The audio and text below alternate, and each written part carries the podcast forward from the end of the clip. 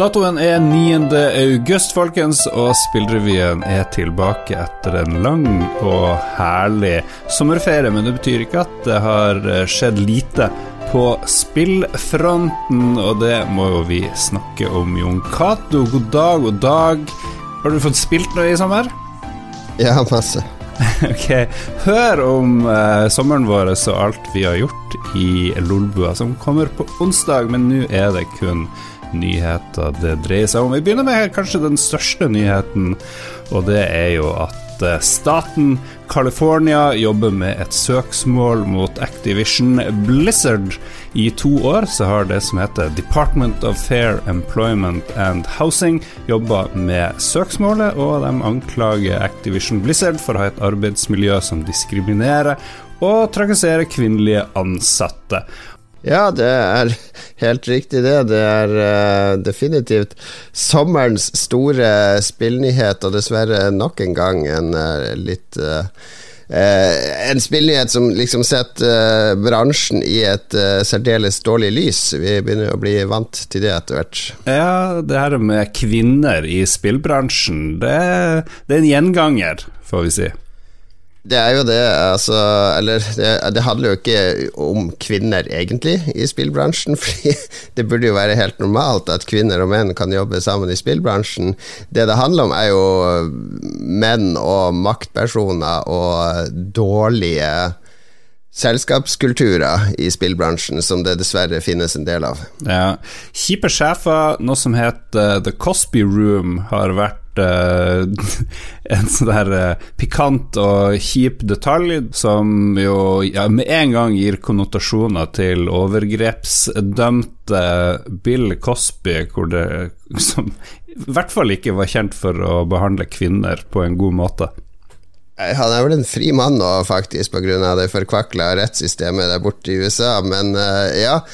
Det er en, en uh, Altså, det som har skjedd, er jo at uh, Arbeidstilsynet, eller Department of Fair Employment and Housing, har tatt ut sak. Og så har vel også aksjonærene òg nå tatt ut sak, fordi de, de smarte aksjonærene vil kanskje ikke assosieres for tett med dette som ser ut til å være et selskap prega av uh, at det er fritt frem for uh, litt sånn maktkåte slash kåte menn til å holde på som de vil, litt ufiltrert, uh, ikke noe ramme eller kultur som ivaretar alle ansatte, men mer at man kan kjøre på og ha ha en mm. sånn VG, altså, Det er en sånn der mannegruppa Ottar-kultur, er det lov å si det? Eller krenker vi mannegruppa Ottar, da?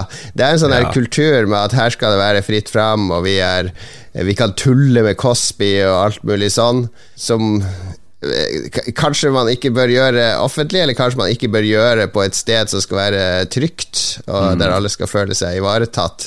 Kanskje kan man gjøre det i private chatgrupper med venner på Discord, eller, eller på hytteturer med kompisgjengen, eller hva sånn. Men kanskje man ikke skal gjøre det på arbeidsplassen, rett og slett. Ja. Det har jo skjedd veldig mye. J. Allen Brack, som var president, han måtte forlate selskapet. Nå er det lagt inn to sjefer der i stedet. Det er, det er, jo ganske mye rare folk som er ansatt i Activision ja. Blizzard på toppnivå. Og det er mange som mener at Eller det er flere som har spekulert i om det er Activision som har ødelagt Blizzard, men eh, det meste jeg har lest, tyder på at det er Blizzard sjøl som egentlig har eh, ødelagt mm. seg sjøl, på en måte. Altså denne, dette er en ukultur, tror jeg, som kommer fra da dette kan vi godt generalisere litt. Det kommer ofte fra at små selskaper starter av venner eller kompiser går sammen og lager spill. Og så når de er fem eller ti eller 15, så går det ganske bra. Eh, det er 15 mm, unge menn som sitter sammen og lager spill og tegner lettkledde damer og gjør stort sett det de har lyst til, uten noen korrigering, og så plutselig så vokser de veldig stort, og så skal de bli inclusive, og så ansetter de masse folk. Og så er det sånn at disse som jobber der opprinnelig, de blir jo promotert opp i lederstillinger. Og så er det ikke sånn at du, selv om du er kjempegod grafiker eller designer, eller hva, kanskje er egnet til å lede, være leder for 40-50 ansatte Fordi jobben din da handler om å ivareta de ansatte og passe på de og lede de i riktig retning og skape en god kultur og et miljø som man kan være kreativ og produktiv i. Og ikke, ikke det er ikke det samme selskapet som da ja. dere var ti venner som satt sammen i en kjeller og, og lagde dataspill. Og jeg har i hvert fall sett flere eksempler i spillbransjen på folk som kommer opp i lederstilling uten at de egentlig vet hva det innebærer å være leder, og som fortsatt har lyst til Jeg vil også programmere eller være lead programmer samtidig som jeg eh, skal være støttekontakt og passe på alle disse ansatte og sørge for at de fungerer bra. Det, det fungerer ikke, rett og slett. Det er jo litt forskjell på Blizzard og Activision Blizzard, og det er jo at de ble kjøpt opp av Activision, og jeg vet ikke, er det så lett å si at det også da ble problemer i det hele? For da kom jo han der Bobby Kotek, som jo er en sånn uh, den store sjefen for, for det her, og har et forferdelig dårlig rykte hos uh, mange gamere. Ja, Bobby Kotik har uh Altså, kan, man kan altså, Egentlig så liker jeg Bobby Kotick likt, og det er fordi Bobby Kotick er eh, transparent eh, kapitalist. Og helt sånn rå kapitalist. Så han er ikke sånn som prøver å lure gamere ved å si at nå, vi er på gamerne sin side, nå skal vi lage masse fett i de i fete tingene dere elsker, vi lytter på dere. Vi lytter på dere gamere. Bobby Kotick er sånn Selger ikke mer så dreper vi det umiddelbart. Guitar Hero vi, det, det, selger bra. Vi masseproduserer det. Vi pumper ut Guitar Hero i alle kanaler i to år. Ok, det slutter å selge. Kutt med en gang. Det, det, er helt sånn superenkelt å forstå hva Bobby Kotick tenker, fordi hans eneste oppdrag er å øke profitten fra år til år. Ja. Også, ja. Og det, det, det, er, Han er sikkert et helt jævlig menneske, men det er veldig lett å forholde seg til. For han er ikke sånn som EA og Ubisoft som går på scenen, og, eller Microsoft eller hvem som helst som går på scenen i hettegenser, og vi er, ned, vi er, nede med gamerne, og vi lytter til dere, og så er det egentlig en, en sånn corporate line som ligger bak der, og de skal jo også tjene penger, ikke sant? Men for Kodix er det helt transparent, så dealen med Blizzard var jo Sånn som jeg forsto det, så fikk Blizzard De fikk lov å holde på akkurat sånn som de ville, så lenge de fortsatte å tjene penger og, og sørge for at inntektene strømma inn. For det var jo Vov på eh, veldig stort når denne avtalen ble til, og, og, World of Warcraft genererte jo enormt med penger. Så har de i ettertid slitt med å levere litt, med Diablo, som ikke lykkes helt i starten. Overwatch har de lykkes bra med, og, og alt mulig sånn. Men i mitt hode så blir det litt sånn feil å si at Bobby Cottick har kommet inn og ødelagt, for det er ikke han som har på en måte styrt hva Blizzard mm. skal gjøre med At de nå holder på med mobilspill og Diablo på mobil, ja, det er nok Activision som har pusha de, men, uh, men at, at, Bobby Kotick har kommet inn og bedt de om å tafse på dama og lage Bill Cosby-rom, det har han ikke gjort. Jeg tror at hvis, hvis, uh, hvis Bobby Kotick hadde sett at uh, profitten vår neste år vil øke med 10% hvis vi ansetter Bill Cosby, så hadde han ansatt Bill Cosby. Jeg tror det er der eh, Kotik sin moralske linje er. Vi hører det fra en del selskaper. Ubisoft har slitt med det samme. De her eh, franske Quantic Dream har jo blitt saksøkt av franske myndigheter. Jeg vet ikke om de slapp unna med det, men det, det, har, det, var, det har, vært en gjenganger i flere år nå. Og vi har jo sjøl lagd en egen episode om norske kvinnelige spillskapere, og hvordan de har opplevd, spesielt i utlandet, og blitt uh, tatt imot. Og, og fått en del eh, liksom grusom uh, historie der, men hvor vanlig er det, det Spillbransjen har fått et dårlig, dårlig rykte der når det gjelder likestilling, vil nå jeg påstå.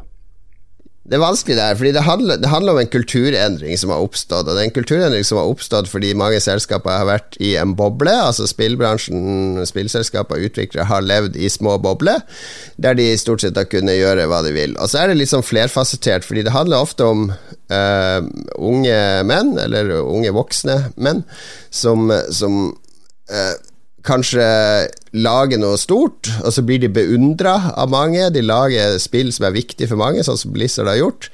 Og da får du mange folk som har lyst til å komme og jobbe sammen med deg. Fordi de, det er jo drømmen deres ikke sant? å få lov til å være med og lage Warcraft eller andre ting som har betydd mye for det.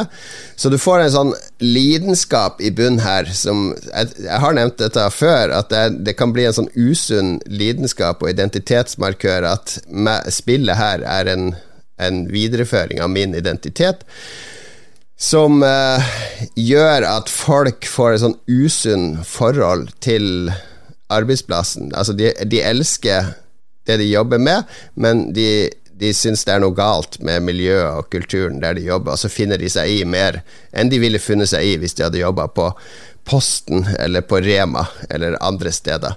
Mm. Ikke sant? Man, man, finner seg ikke i en sånn fretboy-kultur på en Rema-butikk. Der må man tilrettelegge for at de ansatte faktisk har det bra, uansett hvem de er. Altså, altså kommer det også med når disse, noen av disse stjernene, spillstjernene, når du kommer opp i ledende roller, så er det jo sånn at du får makt. Uh, og den makten kan du merke på hvordan folk oppfører seg i forhold til det. Jeg tror folk som Chris Avalone, som også uh, har, har uh, åpenbart gjort feil ting eller misbrukt makta si Jeg tror det at når du kommer i sånn posisjon, og det her har jeg jo merka i, i, i føringa, at, at jeg var CEO, og at jeg hadde en ledende rolle, at jeg hadde myndighet og kunne liksom ansette folk, eller folk visste at hvis de snakka med meg, eller innynda seg med meg, så kunne det være mulighet for jobb i Krillbite, ikke sant. Sånn, sånn kan du tenke. Og jeg merka at i den rollen så fikk jeg oppmerksomhet som, jeg, som åpenbart var fordi jeg var i den rollen. Da kunne du utnytte folk? Er det liksom så enkelt, uh, egentlig? Det, det, var, det, det, har vært situasjoner der hvis jeg ikke hadde vært så moden som jeg var, eller, eller sånn, så kunne jeg tenkt at uh, Eller du kunne Du kunne utnytta det, mm. ikke sant? Du, du kan uh, det kan gå sånn at det går til hodet på deg, og du tenker på Altså, det blir sånn at folk kommer, oppsøker deg når du er på en konferanse. 'Å, du er han i Krillbite, det er kjempekult', og 'la meg vise deg det og det, jeg syns du gjør en kjempegod jobb'. Blir du smigra, ikke sant? Og så vet du jo at mange av disse spillnerdene, og nå generaliserer vi, men mange av disse som lager spill, er jo gjerne litt sånn inneslutta, sjenerte folk i utgangspunktet. Så det å få den oppmerksomheten òg, tror jeg også kan skape, eh, vekke eller transformere eh, relativt oppegående folk til litt sånn maktrusa personer. Ja. At du setter pris på å være han der fyr på convention som folk flokker seg rundt fordi du, du, lagde en hit, eller du lagde et genialt spill som betyr mye for mange, og mange har lyst til å innynde seg hos deg. Ja, og da lager du Cosby Room og inviterer masse folk til fest, og nå skal det bli fitte og... Ja, men det er det som skjer hvis du lar det gå over styr, og det er ingen som passer på deg, ikke sant? Du ser jo det her fra kjendis, eh, kjendiseriet ellers, musikk, eh, film og andre ting. Kjendiser der berømmelsen går til hodet, og så uh, har de ikke jordkontakt mer. Det skjer ikke i spillbransjen, men det skjer det er et snev av det som kan skje. Det er, det er, folk som Du må liksom kunne takle den oppmerksomheten uten å tro at uh, Uten å utnytte den. Vi skal runde litt av det her, men det er jo spennende å spekulere litt i, i alle reaksjonene som kommer nå, og hva som skjer videre med Activision Blizzard. Jeg ser jo allerede så har mange annonsører eller jeg vet ikke om det er mange, men en del annonsører har trukket seg fra noen uh, sånne online-turneringer, er det vel i første omgang, at, at de har mista Kommer det her til å stabilisere seg? Kommer, er det her starten på slutten for Activision Blizzard? Hva du, hva du ser i din glasskule? Nei, altså Så lenge Bobby Kotick får sitte og bestemme, så er det slutten på Blizzard-delen av Activision Blizzard med en gang de slutter å generere profitt. Så, da tror jeg han tar frem øksa, og så er det bare slutt. Så, sånn uten noe, uten noe om og men og uh, innpakning. Så, så, fra den sida så er det jo det. Men uh, fra fansen og andre sin side, det er jo mange som ikke vil ha noe med Blizzard-spill å gjøre lenger. Jeg vet jo om podkaster i Norge som boikotter Blizzard-spill nå, f.eks. Folk krever jo en eller annen endring der. Så jeg tror jo at uh, de må snu litt på det selskapet hvis de skal få goodwill igjen. Det må de. Ja. Men uh, jeg, for å være ærlig, jeg har ikke, jeg har ikke sånn 100 troa på at Kotik og de andre har lyst til å gjennomføre en sånn snuoperasjon. Altså, Activision er ikke kjent for å lage eller sånn god PR eller ta tak i sånne gode HR-saker. Ja, det er det, det er selskapet de har henta inn for å kjøre sånn ekstern-reviews og sånt. Et av de er jo det her Wilmer Hale, som er kjent for å være veldig på selskapet sin side er også tilknytta til sånn union busting. De skal hindre at eh, ansatte organiserer seg og sånt. Så det er jo et litt dårlig tegn, da, tenkte jeg. Så ja, jeg, har, eh, jeg er veldig, veldig pessimistisk på Blizzard sine vegne nå. Så eh, jeg håper det går bra med de som jobber der. Og det er jo veldig mange dyktige folk der. At, at det er muligheter for de Eh, at det åpner seg enten muligheter fordi at Blizzard faktisk klarer å endre seg, eller at de kommer seg ut med vett og moral i behold og kanskje lage noe Starte noen nye selskaper. Vi skal over på noe helt annet, nemlig at 18.07 så fortalte Sony at de har solgt 10 millioner PlayStation 5, og at eh, maskinen er den raskest selgende i deres eh, historie. Og i tillegg, i et uh, møte 5.8, så kom det frem at uh, Sony har sikra seg nok komponenter til å selge 14,8 millioner konsoller frem til slutten av finansåret, som, uh, som slutter mars neste år.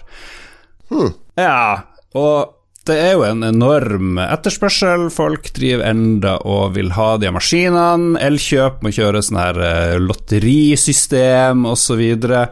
Det man begynner å lure på, er hvorfor er folk så veldig interessert i denne maskinen?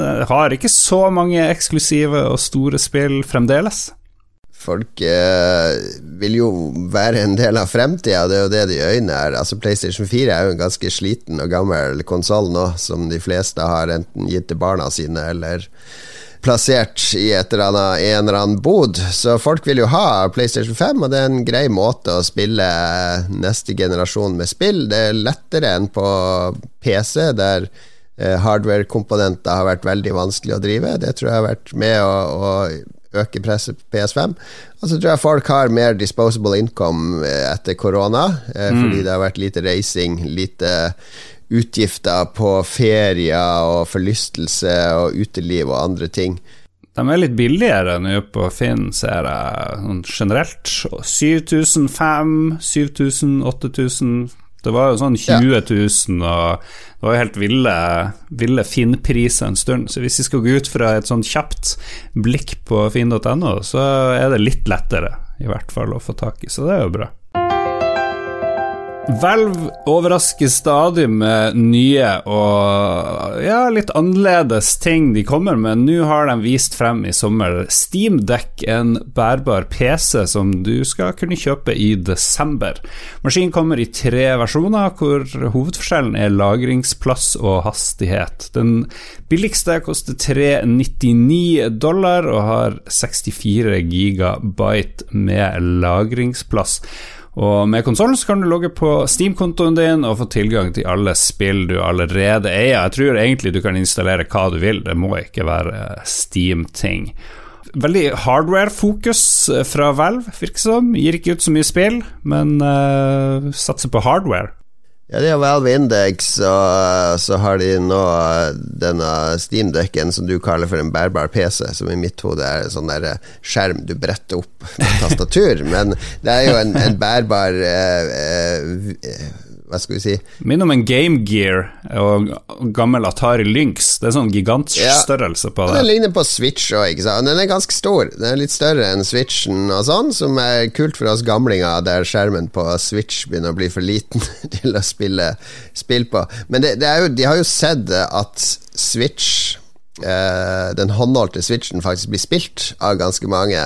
Og så vet de at det finnes folk med småbarn og sånn som ikke har den luksusen å, å sette seg foran en PC i timevis og ta på headset, men som gjerne kunne tenke seg å spille FTL eller Slade Spire eller whatever fra sitt Steam-bibliotek på sofaen på en egen skjerm. Ja. Og så blir mobilen forfiklet for der har du ikke noe kontrollsystem. Så de har bare skrudd sammen uh, rett og slett en, en bærbar uh, Steam-konsoll, uh, som, som, er det det er. og jeg tror at den kan fint finne sitt marked. Jeg tror jeg har lyst på en. Jeg får ikke mm. lov å kjøpe en, da, men, eh, men det er noe sånn, eh, sånn det er å bo i Norge. Vi blir utelatt fra det meste nå. ja, og jeg vet ikke Mitt inntrykk er at kanskje Valve er litt sånn som Google med sine ting. De pøser ut litt greier, og så er det ikke helt sikkert at de følger de opp så veldig nøye ja, Indeks har de fulgt opp ganske nøye, og Indeks er utsolgt konstant. Så den, eh, den, er ikke lett å få tak i. Den blir utsolgt hver gang det kommer et nytt opplegg, fordi det har vært markedsledende VR-briller lenge. Og de VR-tingene eh, som Valve har laga til den, er jo helt suverent bra.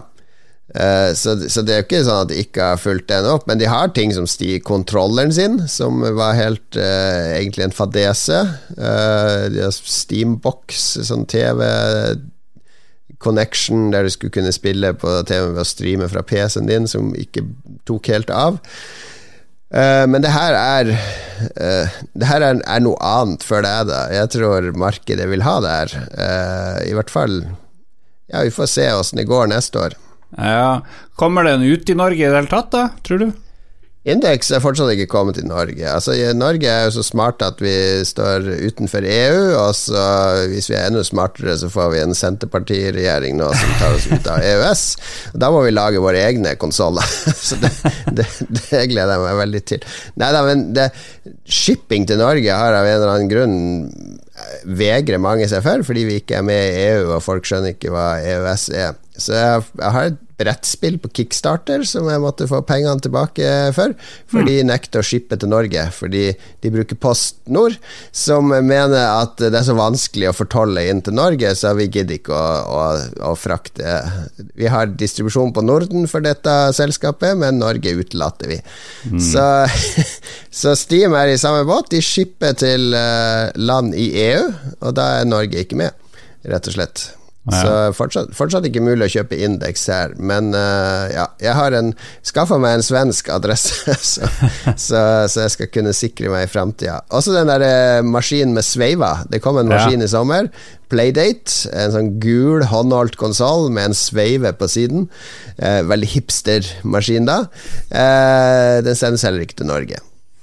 Kjipe greier. Jeg tenker jo at uh, den her Steam-dekket den kommer til å bli kopiert i alle bauger og kanter, så det, det tipper, hvis det ikke blir en stor katastrofe, men uansett så tror jeg mange selskaper kommer til å lage sin versjon av det her, og det er jo fritt frem. Det er jo bare, å, å, det er jo bare en PC, egentlig, så du kan ja, jo Det er jo bare, vind, det er bare en skjerm eller en eller annen enhet som kjører Windows, og så kobler til noe kontrollsystem, eh, sveiser fast på siden, så her tror jeg vi bør lage en Lolbua hardware-avdeling og begynne å masseprodusere våre egne Steamdex. Loldek.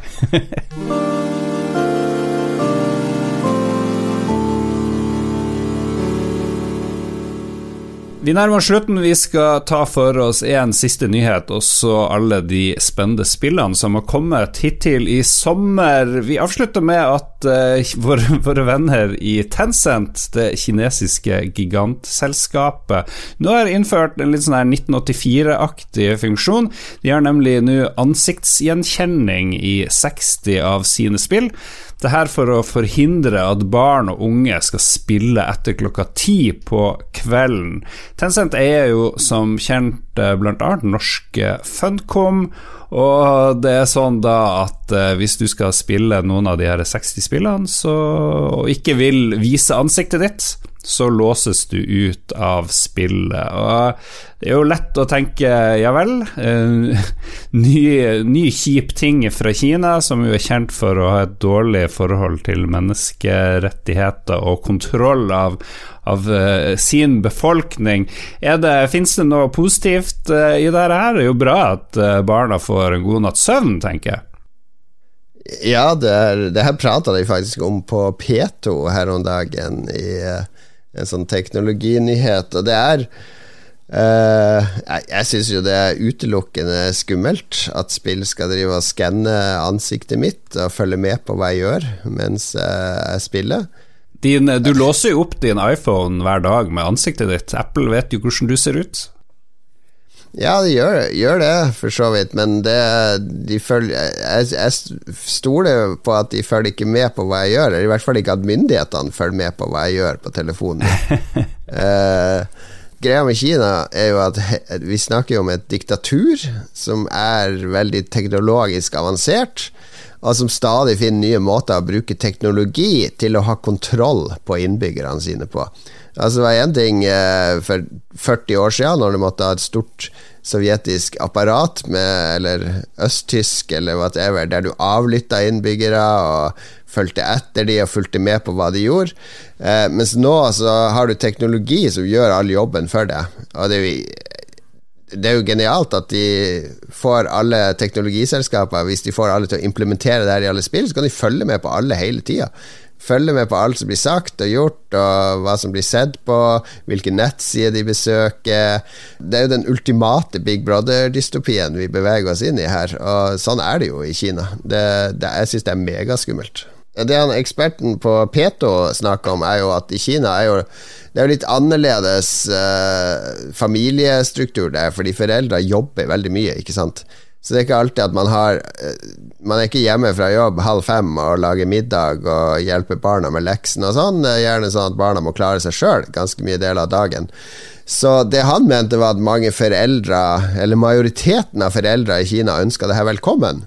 Fordi da hjelper staten med å passe på barna, og de også er jo bekymra hver gang de kommer hjem, så sitter barna og spiller spill på mobilen eller på på, ja, på mobilen sin, det er der de spiller, og at de forsvinner inn i disse spillene hele tida. Så, så, han mente jo at uh, i Kina så ble det her mottatt med, med glede mm. uh, i kinesiske familier. For ja. de syns det er topp at staten hjelper til å sperre barna ute fra spillene og begrense skjermtida deres. En gladnyhet. Vi tenker på det her som en gladnyhet. Eventuelt følg med videre i Spillrevyen for flere dystopiske oppdateringer fra Kina. Vanligvis så snakker vi til slutt om spillene vi ser frem til denne uka her. Det er ikke så mye uh, som kommer, men vi kan ta en liten gjennomgang av det som har kommet i juli i stedet. Word, det kan vi gjøre. Høre hvor ung og hipp jeg er. Ja, gratulerer.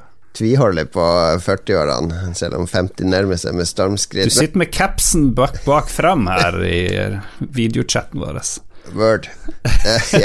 Det kommer eh, det, er ikke så mye spennende spill som kommer denne uka, men det har kommet en masse i juli som vi kan ta med eh, for folk som har lyst til å snuse litt på, på hva som skjer på spillmarkedet. Det er fire spill jeg har lyst til å dra frem. Først er Death's Door, um, som er et spill der du er en kråke med sverd som beveger deg i sånn 3D-isometrisk landskap. Hmm. Uh, altså sånn tvungent 3D-perspektiv uh, med låst kamera. Aldri hørt om. Uh, en slags labyrint. Uh, en slags blanding av Zelda og veldig, veldig lettbeint uh, Dark Souls-aktig. Ikke så vanskelig som mm. Dark Souls i det hele tatt, men mer Zelda. Og så er det jo Fritz uh, Olsen, som tidligere jobba med bl.a. Earthlock-spillet, og har jobba på ganske mange spill, som er art director for spillet. Han er jo norsk. Så det, det i seg sjøl er jo verdt å, å sjekke ut. Men det er vanvittig pent, vanvittig kult. Jeg fikk en Essential fra Eurogamer, gitt ut av Devolver Digital og laga av Acid Nerve. Ja, ute på masse formater nå. Hvordan Ja, masse formater. Kan vi spille det på PlayStation 5? Uh, jeg er ute på eh, PC, Steam og på Xbox. Jeg tror det er en del av GamePass, så da kan du hmm. spille mm. det bare ved å ha det abonnementet. Neste spill ut er fire spill Det neste er The Great Ace Attorney Chronicles fra Capcom, som kom nå i sommer. Uh, det er rett og slett uh, Ace Attorney-serien, bare det foregår på slutten av 1800-tallet. Uh, eh, har fått veldig, veldig god kritikk. Har også fått noe Blitt kritisert for å ha noe rasistisk innhold. Oi ja, det, det, fordi det foregår på slutten av 1800-tallet, så det er en del sånn der eh, nedlatende omtale av asiatere, altså som eh, Som jo var på den tida, så det har jo spåna en debatt om kan man Altså, skal man Hvordan er, er denne representasjonen Er, er det riktig å, å, ha det med i et mm. spill? Eh, det, er et, det, er jo et, fiktivt spill. Alle som har spilt Ace Attorney, vet jo at det er jo ganske bisarre måter å representere rettssaker og sånne ting på. Men det tar opp litt sånn koloniseringsting og ja. Mm. uten, at, uten, at, det gjenspeiler seg i hovedpersonene. Men det er interessant med debatt. Men selve spillet er veldig, veldig, veldig bra. Veldig, veldig bra laga. All right. Final Fantasy 1 til 6 Collection på Steam har du også spilt gjennom hele serien, har jeg hørt rykter om i sommer. Ja, jeg har faktisk eh, spilt og streama litt fra Final Fantasy 1. Det finnes jo veldig mange versjoner av disse spillene opp gjennom årene. Eh, mobilversjoner, Gameboy-versjoner osv som har tweaka og tuna og fiksa litt på, på, spillene for å gjøre de lettere å spille osv. Disse versjonene som er på Steam, er faktisk veldig bra, fordi de har ikke den grusomme, litt sånn myke mobilgrafikken som ja. man hadde. Eh, I en periode gikk det litt bort fra pikselgrafikken og prøvde å myke det ut. Det ser helt forferdelig ut. Nå er det tilbake til ren pikselgrafikk. Og så har de en oppussa musikk som er veldig bra. Du blir litt gal av den åttebits-musikken til tider, fordi den, det er samme, samme tonene som klimprer hele tida. Uh, og så har de en del quality of life changes. Jeg vil si at disse er kanskje den beste måten å oppleve disse gamle spillene på. Og mm. de er på vei gjennom Final Fantasy 1 nå. Det er det er ikke bare nostalgi, det er et eller annet der som holder deg inne i det spillet. Så vel verdt å besøke. Alright. Og til slutt så skal vi nevne Forgotten City fra Modern Storyteller og Dear Villagers, og det har jeg aldri hørt om. Nei, det er egentlig en mod til Elder Scrolls Skyrim, som de har tatt ut av spillet og gjort til et frittstående spill. Det er et sånn tidsreisespill der du skal reise tilbake til Romerike og løse en rettssak, så, så vidt jeg har skjønt, ved å hoppe litt frem og tilbake i tid. Det var heller ikke på min radar før en del uh, fans av sånne narrative spill begynte å løfte det opp og frem som noe veldig magisk. Jeg fikk vel ti av ti på gamer.no nå nylig, og vår uh, venn eh, Magnus Tellefsen har også snakka varmt om det, bortsett fra en sånn surdeigsbrødoppskrift i spillet som var helt feil, ifølge han. Uh, herlig, herlig. Aldri glem Magnus Tellefsen, vår gamle Lolbua-medspiller. Og hvis du vil ha mer fra Jon Cato og meg, og hvis du har lyst til å høre Magnus Tellefsen, så kan du høre gamle Lolbua-episoder. Det ligger 364 episoder av den podkasten, og det kommer nye episoder hver onsdag. Sjekk også ut. Våre venner i Rage Quit kommer også hver uke. Spillrevyen kommer på mandager, og vi tar gjerne imot uh, gode bidrag på Patrion. Patrion.com slash lolbua. Støtt også Pressfire, våre medspillere. Vi jobber sammen med dem for å få ut det her og få litt uh, litt mer om norsk, eh, norsk vurdering av, av, eh, det som skjer i spillbransjen, og vi elsker norske spillmedier. Er det noe mer vi bør si? Ja, vi har jo våre ukentlige gode råd fra deg, Jon Cato. Ting folk bør gjøre den neste uka for å gjøre livene sine bedre. Nå har vi slitt her, mange av oss, i, i månedsvis her uten å ha noe som helst retning i livet vårt. Det er det bare å nyte den siste resten av uh, sommeren. Uh, jeg vet at det er den siste resten, for som pollenallergiker så har jeg begynt å puste igjen. Jeg kan være utendørs. Jeg har sett de første tegnene til noe gult på trærne. Nå kommer den kalde, fine tida, folkens. Nyt den siste resten av sommeren. Vi er tilbake om en uke. Ha det bra. Hei då.